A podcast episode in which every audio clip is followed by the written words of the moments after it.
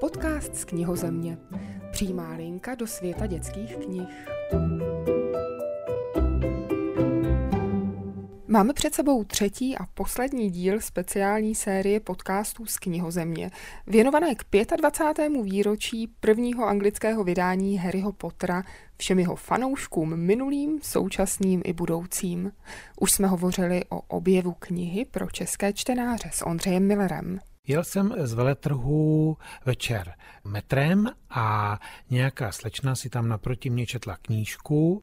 V minulém dílu o překládání s Vladimírem Metkem. Například kolej Slytherin. Slyšíte, jak to syčí, jo? Takže z toho jsem udělal zmiozel. A dnes nás budou zajímat ilustrace. Jejichž autorkou v několika českých vydáních byla Galina Miklínová a knihy s jejími obrázky patří k těm nejcennějším. Protože jsem tam udělala chybu v těch ilustracích, protože jsem si špatně přečetla ten text v angličtině. A také si povíme, že knížek o Harry Potterovi je ještě o něco víc než základní sedmidílná série. Ale to až v druhé části dnešní půlhodinky, u které vás vítá Naděra Reviláková. Nejdřív se dozvíte, jak to celé s těmi ilustracemi, chybnými i správnými, vlastně bylo. I u toho byl Ondřej Miller, programový ředitel nakladatelství Albatros, které práva ke knize v roce 1998 získalo a společně s nimi i určité instrukce, jak má výtvarná podoba vypadat. Nebo ne? Ty první požadavky nebyly vlastně vůbec žádné. A mně se ta ilustrace na obálce, která byla od tehdy slavné ilustrátorky Mary Grant Pré, moc líbila, ale řekli jsme si, ne, půjdeme vlastní cestou a zkusíme to nabídnout českému ilustrátorovi nebo české ilustrátorce. A Jana Mikulecká, která měla tehdy na starosti výtvarnou redakci v Albatrosu, přišla s nápadem, aby to byla Galina Miklínová. Galina Miklínová tehdy byla mladá ilustrátorka, která měla za sebou pár ilustrací, ale ta Jana Mikulecká byla skvělou výtvarnou redaktorkou, takovou, jako má být a ona jí věřila a perfektně to odhadla, což se ukázalo po letech, že vlastně v Galině Miklínové roste neuvěřitelně nadaná výtvarnice a budoucí ilustrátorka spousty dětských knížek a nabídla jí ilustrovat Harryho Pottera. A tak vznikla, ona si to přečetla, tu knížku, moc se jí líbila, Galině Miklínové. My vlastně se jsme nad tou knížkou i také spolu zpřátelili a ona zakrátko přinesla tu obálku, kde teda byl ten Harry Potter a to je ta slavná obálka v těch sedmi tisíc výtiscích, kde je Harry Potter v takovém cylindru. A jakoby tak z té krempy toho cylindru mluví. A to vlastně si vybrala jako tu scénu, kdy vzadu za ním je ten Albus Brumbál, Minerva McGonagallová a vlastně část toho sboru a je to ta scéna, kdy Harry Potter klobouk mu řekne, do které koleje bude patřit.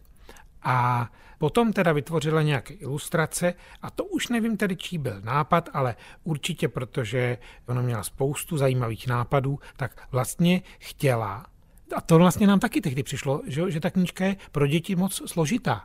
Jo, to dneska už vyznělo legračně, ale pro osmileté, devítileté děti, že první kniha Kámen mudrců je složitá, takže vlastně tam vytvoří jakousi dějovou mapu na předsádky, která těm dětem ten děj přiblíží. A v tom pokračovala a ty knihy, které už pak měly třeba obálku Mary Grant Pré, takovou, jak to bylo vycházelo po celém světě, ale vevnitř ještě měly ilustrace Galiny Miklínové. A ty knihy, které mají na předsádkách tyhle ty dějové mapy, ty jsou dodnes velmi žádané. Na kolika knihách tedy Galina Miklínová pracovala? Ona namalovala obálku k prvnímu knize Harry Potter a kámen mudrců a potom ale dovnitř dělala ilustrace ještě k třem dalším. Takže vnitřní ilustrace do čtyř svazků, to byl vždycky obrázek na frontispis a potom ke kapitolkám takové malé, říká se tomu špičky ve výtvarném žargonu, ale obálku vlastně jen jednu. A bylo to pak nějak eh, dané, že už nemohla ilustrovat tu další obálku, nebo to už byla vaše volba, že to byly stejné obálky jako v zahraničí? My jsme byli povinni tím s tou licencí vlastně přebírat ty obálky, protože jsme ty knihy kupovali postupně. Někdo by mohl namítnout, že třeba Němci mohli mít obálky od Regíny Ken, krásné obálky, a všech těch sedm svazků ilustrovala i německá výtvarnice. Ale to bylo proto, že oni prozíravě koupili všech sedm svazků na jednou.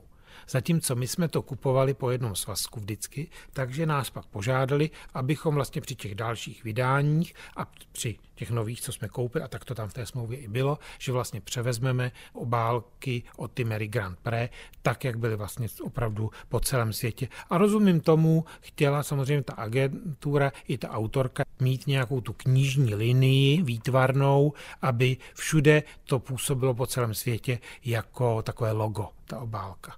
Teď už dejme slovo ilustrátorce Galině Miklínové, jak na své pracovní i osobní setkání s Harry Potterem vzpomíná. No, určitě jsem ho neznala, protože si myslím, že ho kromě Ondřeje Millera neznal vůbec nikdo v České republice.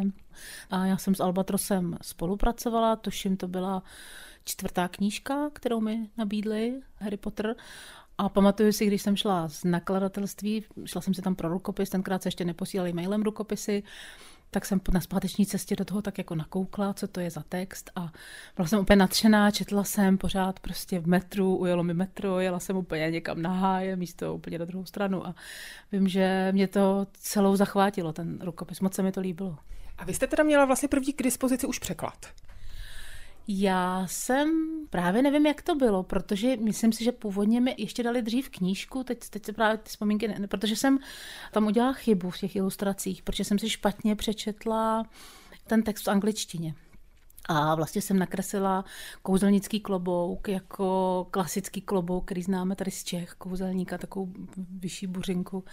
A... Vlastně takový klobouk kouzelníka pokus tóna jako z králíků. Přesně, přesně, to, co člověk zná z těch reálí. A vlastně tenhle ten mluvící klobouk je ten klasický špičatý kouzelnický klobouk, který který pak už teda známe z potra. A tam si myslím, že jsem udělala chybu, že jsem právě dostala nejdřív nějak tu angličtinu. Vlastně teď nevím, jak to bylo, ale nebo jestli jsem si potom šla pro ten překlad, nevím. Ale vím, že pak jsem to četla, měla jsem vlastně listy jednotlivý, vytištěný ten rukopis. A jak to s touhle chybou tehdy dopadlo? Zůstal ten původní klobouk nebo jste ho předělávala?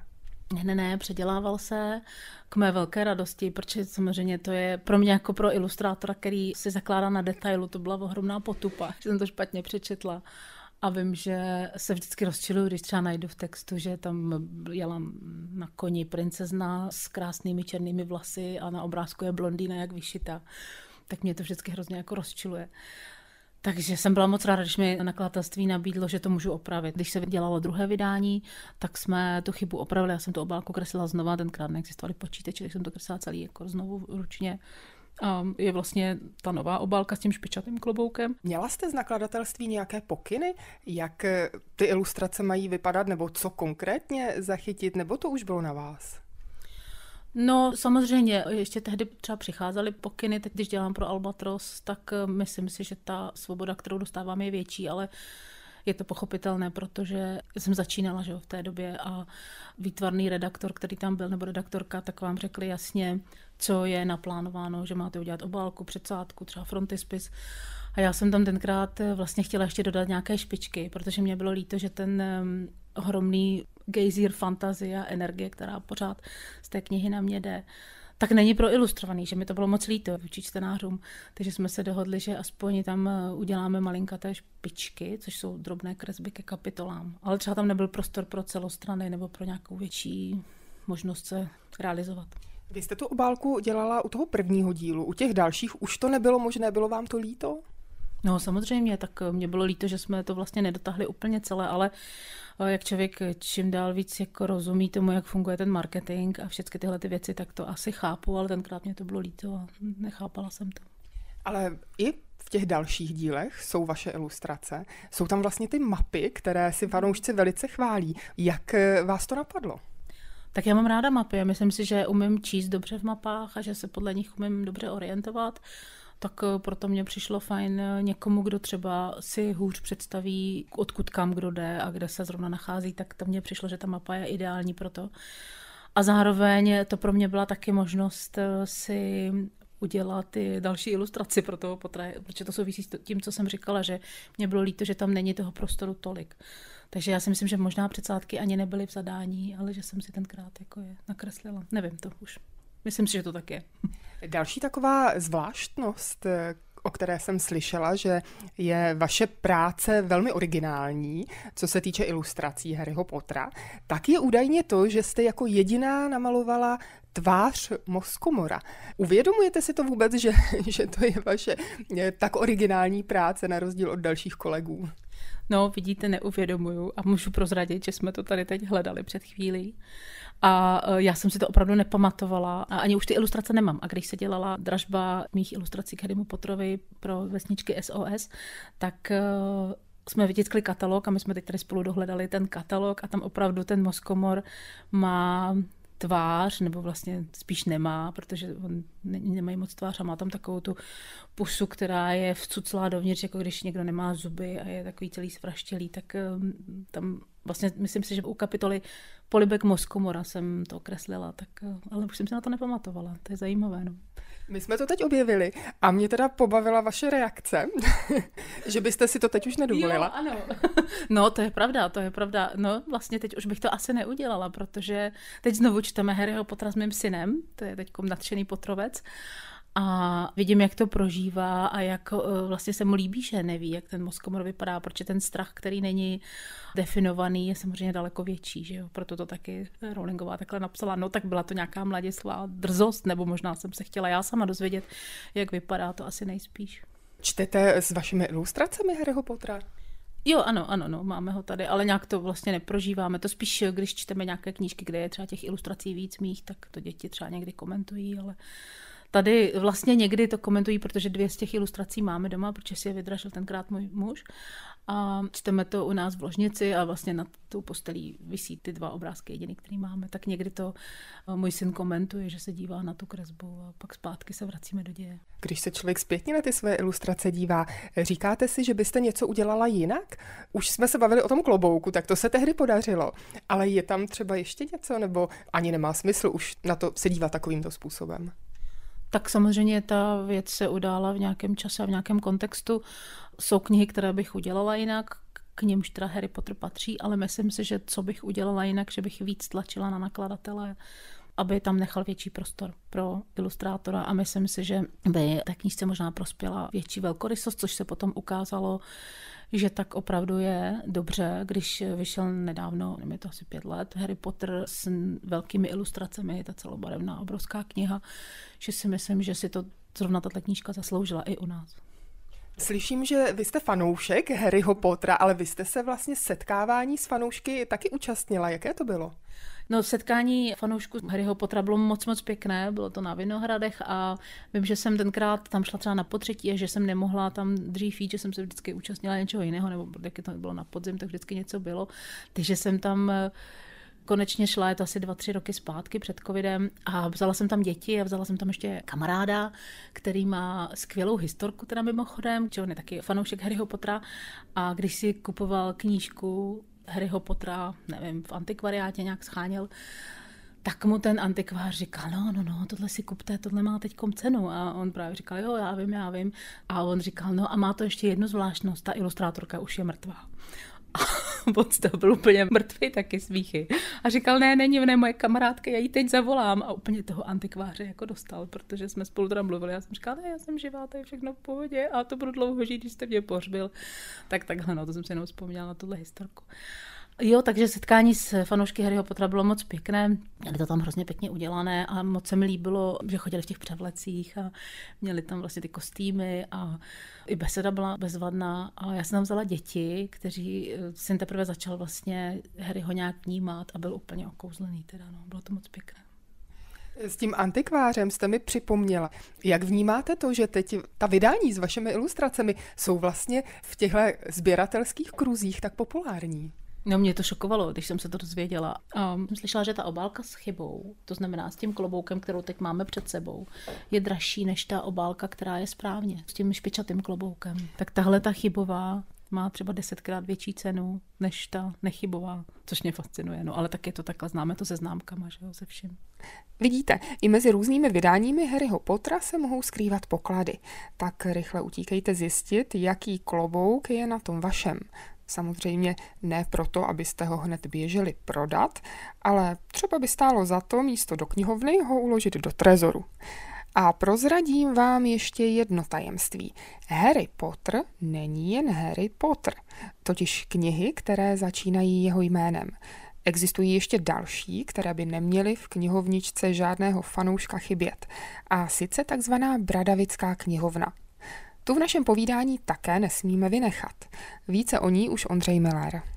To jsou tři knihy. Fantastická zvířata a kde je najít, Fanfrpál v průběhu věků, Fantastická zvířata napsal slavný to bych řekl lovec nebo krotitel fantastických zvířat Scamander Mlock a do třetice je tam knížka, která je klíčovým artefaktem, nebo hraje tam důležitou roli v sedmém svazku, a to jsou bajky Barda Bídliho. Jako mně to zase přišlo jako skvělý vtip od Rowlingové. Skvělý vtip a ještě jako takové její uvažování v tom smyslu, že vlastně ty dvě učebnice, Fanfrpál a Fantastická zvířata, kde v tom vydání vlastně najdeme i poznámky Harryho Pottera, co si k tomu připsal, když se z těch učebnic učil, tak že vlastně to věnovala ten výtěžek z těch nich pro tu organizaci Comic Relief, kde ty angličtí herci věnují vlastně ten výtěžek z té činnosti na ty nějaké ty dobročinné účely, tak to mě přišlo skvělé a Rowlingová cituje desítky knih, knihy Zlatoslava Logharta, co musí Harry Potter číst, tyhle učebnice a další a další knížky o magii. A vtipné, že si vybrala právě tyhle ty dvě učebnice, ale že je tedy uskutečnila, protože zase tam přišla ke slovu její skvělá slovní komika, u fantastických zvířat ty názvy těch nejrůznějších zvířátek. Na základě toho pak vytvořila vlastně další filmy, úplně celou jednu dějovou historii toho, jak Scamander Mlock se věnoval krocení nebo chytání, bych řekl, fantastických zvířat. A ona prostě v tomto ohledu jířila doslova nápady a vím, že při překládání těch fantastických zvířat se Pavel Medek opravdu zapotil a že mi vždycky každý večer volal, ale jako tak pišně, jak vymyslel taková nejrostodivnější jména a tu knížku mít a číst si v ní, to vlastně je obrovská legrace. Součástí Bradavické knihovny je učebnice Fanfrpálu. A jak jsem zjistila, k mému překvapení, i když Fanfrpál je hra, která se hraje na létajících košťatech, tak dokonce i v našem lidském mudlovském světě existuje dokonce mistrovství světa ve Fanfrpálu, kde má svůj tým i Česká republika. Věděl jste to? Já jsem se o tom dozvěděl, že se to hraje takhle, jako opravdu naživo. Prvně od nějakého fanouška na nějaké besedě, a myslel jsem si, jestli si to nějak ten chlapeček nepoplet. A pak jsem si to dohledal, zjistil jsem, že jsem si to nepoplet, že jsem si to poplet já, že opravdu se to teda hraje, že to má velice přísná pravidla. A jedno takové utkání se hrálo právě na veletrhu Svět knihy v Praze v květnu na ploše toho výstaviště. Tam jsem to prvně viděl, přesně jako Harry Potter jsem nejdřív ta pravidla moc nechápal, ale pak mi to došlo, je to pěkně rafinovaně vymyšlené, ale zajímalo by mě se zúčastnit toho mistrovství, protože to je stejně jako na začátku něco jiného je fanfarpál, tamhle okresní přebor a něco jiného je vidět mistrovství světa. A jak je to popsáno ve čtvrtém svazku na začátku, že? a jak je to pak krásně v tom filmu stvárněné. Takže to bych docela rád viděl, takové mistrovství světa, jak se to hraje na mistrovské úrovni. To máme fanfrpál, fantastická zvířata a pojďme ještě představit třetí z trojice knih z Bradavické knihovny Bajky Barda Bídliho. Tady jsme se vlastně on to není správný překlad, ale my jsme tady se v dobrém slova smyslu opičili po autorce a chtěli tu aliteraci tady mít BBB, bajky Barda Bídliho, že to vlastně zní srandovně, ale není to správný překlad té knihy. Takže to jenom uvádím na okraj a tahle ta knížka, oni si z ní čtou v sedmém svazku a ta knížka jim pomůže se dobrat k těm vitálům, Lorda Voldemorta a vlastně tak snížit a odhalit tu jeho moc, kterou ještě má.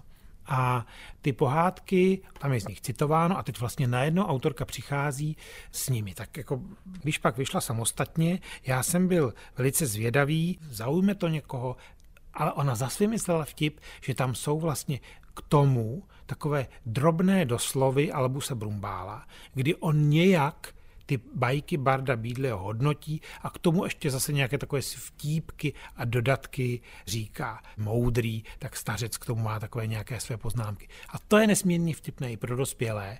A je tam taková pohádka, která chytne za srdce, protože je taková vlastně smutná, tragická, ale zajímavá. A to je poslední příběh tří bratří. A tam zase to jsou už takové střípky, jenom já si pamatuju, to nebylo vůbec jednoduché přeložit, protože tam zase Rowlingová využívala různých hříček, jsou tam verše, takové slovní hříčky. A já vím, že tam byl nesmírně pišný Pavel Medek na takový verš, který se jmenoval Bezová hůlka, chudoby půlka. To si pamatuju, jak mi to jednou volal, jsem někde jel v tramvaji a podívej, co jsem vymyslel, bezová hůlka, chudoby půlka a ta se právě objeví v tom doslovu Albuse Brumbála k té povídce, nebo bychom řekli bajce, pohádce, příběh tří bratří. Fantastická zvířata jsou film a vlastně vyšla i kniha zase jako scénář k tomu filmu fantastických zvířat. To je zase taková rarita. Těžko by to u nějaké knihy jiné nebo u nějakého filmu by si čtenáři kupovali scénář k tomu, nebo koupili, ale byli by to fanoušci toho režiséra, fanoušci těch herců, fanoušci nějakého toho fenoménu, ale rozhodně bych nebylo tolik, kolik si kupuje knížky, a přitom jde o scénář, eh, fantastická zvířata. To znamená, že jednak ty knížky mají krásnou obálku, jsou krásně vypravené a jednak zase eh, znám z besed, že prostě děti se dívají na ten film a teď s tím sledujou ten scénář v té knížce a mají takový ještě dvojnásobný zážitek. Je to vlastně na třetí. Je to audiokniha, filmová kniha a ještě si přitom čtu. Takže to je taková skvělá trojkombinace a zase jestli to byl nápad J.K. Rowlingové, tak byl perfektní. Tak vlastně i pokračování Harryho Pottera má zase pro změnu podobu divadelního scénáře, divadelního textu. Taky vychází a taky ho děti čtou? Také ho čtou, zase je to vlastně ano jako scénář divadelní hry, i s poznámkami režijními a to mě přišlo tehdy neuvěřitelně odvážné, protože jsem si říkal, tak co ona ta Rowlingová udělá? Tak může napsat k tomu jako tisíc prequelů, jak byl Harry Potter nebo nějaké postavy malé, ale ona sahla k zajímavému prequelu. Vlastně, protože děj příběhu z Kamandramloka se odehrává mnohem dříve než první svazek Harryho Pottera. Takže to je takový, jak se říká teda tomu u těch fantasy příběhů, skvělý prequel, zajímavý. A co bude dál? A tak napíše nějakou knížku, nebo toho nechá. A to, že teda vytvoří divadelní hru, která je vlastně svým způsobem i takovým muzikálem a dokresluje ty příběhy těch hlavních hrdinů, to bylo, myslím si, velice odvážné a od ženy jejího formátu to čekáme. Ale zase představme si, že by to bylo u nějaké jiné série. Těžko by to bylo úspěšné, ale tak, jak ona to pojala, to bylo při nejmenším i odpůrce Harry Potter musí říct, že to byl zajímavý počin. Možná nezůstaňme zase teď na konci těch zajímavých počinů, protože stále pokračují. A to je například další kniha, kterou napsala tak, aby vyšla nejdřív na internetu a teprve potom knižně. A vy jste ji dokonce nechali ilustrovat děti a to byla taky její podmínka, pokud vím. To byla knížka Ikabok, taková opravdu pohádka v anglickém stylu v tom smyslu, že to je vlastně nesmírně drsná pohádka a je to jako taková až s hororovými prvky. A co se týče těch ilustrací, to byl požadavek, který jsme nemuseli splnit ale my jsme ho velice rádi splnili a sice vlastně tím, jak se objevovaly ty pohádky na internetu, tak děti k ním malovaly obrázky. A teď se ty obrázky měly stát součástí té knížky. My jsme několik takových knížek vydali. A tohle je velice obtížné v tom smyslu, že každé dítě maluje jinak. A teď se mohlo stát, že třeba k nějaké kapitole namaluje x dětí, vybere si nějaký motiv skvělých 20 obrázků. Budeme stěží vybírat jeden perfektní bude další kapitola a tam najednou se buď ty děti o to nebudou jevit zájem, nebo že žádnému dítěti nepodaří vystihnout ta atmosféra té kapitoly a nebudou nám tam ty obrázky chybět. Byla to zkrátka dobře sázka do loterie, ale my jsme se ji odvážili, protože jsme si mysleli, že ty děti, jejich rodiče, učitelé ve školách, v lidových školách umějí s tím zažít spoustu legrace. To se stalo, ale pak a to bych měl nejlépe zaklepat na bezové dřevo. A to se opravdu povedlo. A ta knížka vypadá moc hezky A myslím si, že zase jsme udělali, hlavně Rowlingová, která se to vymyslela, ale díky tomu i my v nakladatelství Albatros několika těm dětem, kteří tam objevili ty své obrázky, jejich rodičům, celé rodině, velkou radost, protože si řekli, ale podívej, já tady mám svůj obrázek. A ještě v knížce J.K. Rowlingové. To pak už můžu ukazovat celý život. Tak skoro se nabízí, čím autorka překvapí teď. Troufáte si odhadnout, nebo se vydala už úplně jinou cestou tím, že píše třeba pod pseudonymem a už úplně něco jiného? J.K. Rowlingová je skvělá vypravěčka. Kdo má takový dar a i dar těch nápadů, tak já si myslím, že určitě můžeme očekávat neočekávané, tak říkajíc. Samozřejmě pokračuje v psaní těch románů pro dospělé pod tím svým pseudonymem Robert Galbraith. Napsala pro děti další pohádku Vánoční prasátko. Ale co bude teď?